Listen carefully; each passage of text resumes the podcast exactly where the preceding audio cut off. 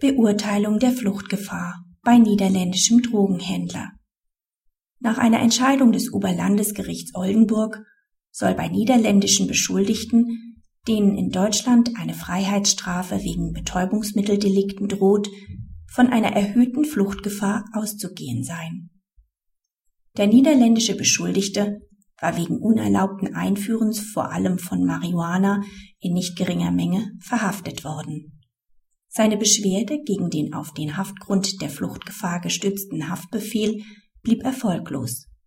Die Verteidigung hatte unter anderem geltend gemacht, der feste Wohnsitz des Beschuldigten in den Niederlanden schließe eine Fluchtgefahr aus. Das Oberlandesgericht sah in der niederländischen Staatsangehörigkeit hingegen einen Grund für die Annahme erhöhter Fluchtgefahr. Denn die Niederlande geben einem Auslieferungsersuchen in der Regel nur statt, wenn der verfolgende Staat zustimmt, dass die zu verhängende Strafe in den Niederlanden verbüßt werden kann. Zudem ist die Zustimmung zu einem Umwandlungsverfahren nötig, mit dem die verhängte Strafe in einer niederländischen Vorstellung entsprechende Strafe umgewandelt wird.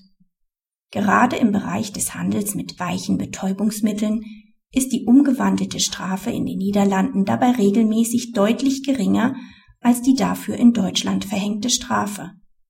Deshalb besteht für einen niederländischen Beschuldigten ein starker Anreiz, sich in sein Heimatland abzusetzen, da er dann mit der Vollstreckung einer deutlich niedrigeren Strafe rechnen kann. Praxishinweis.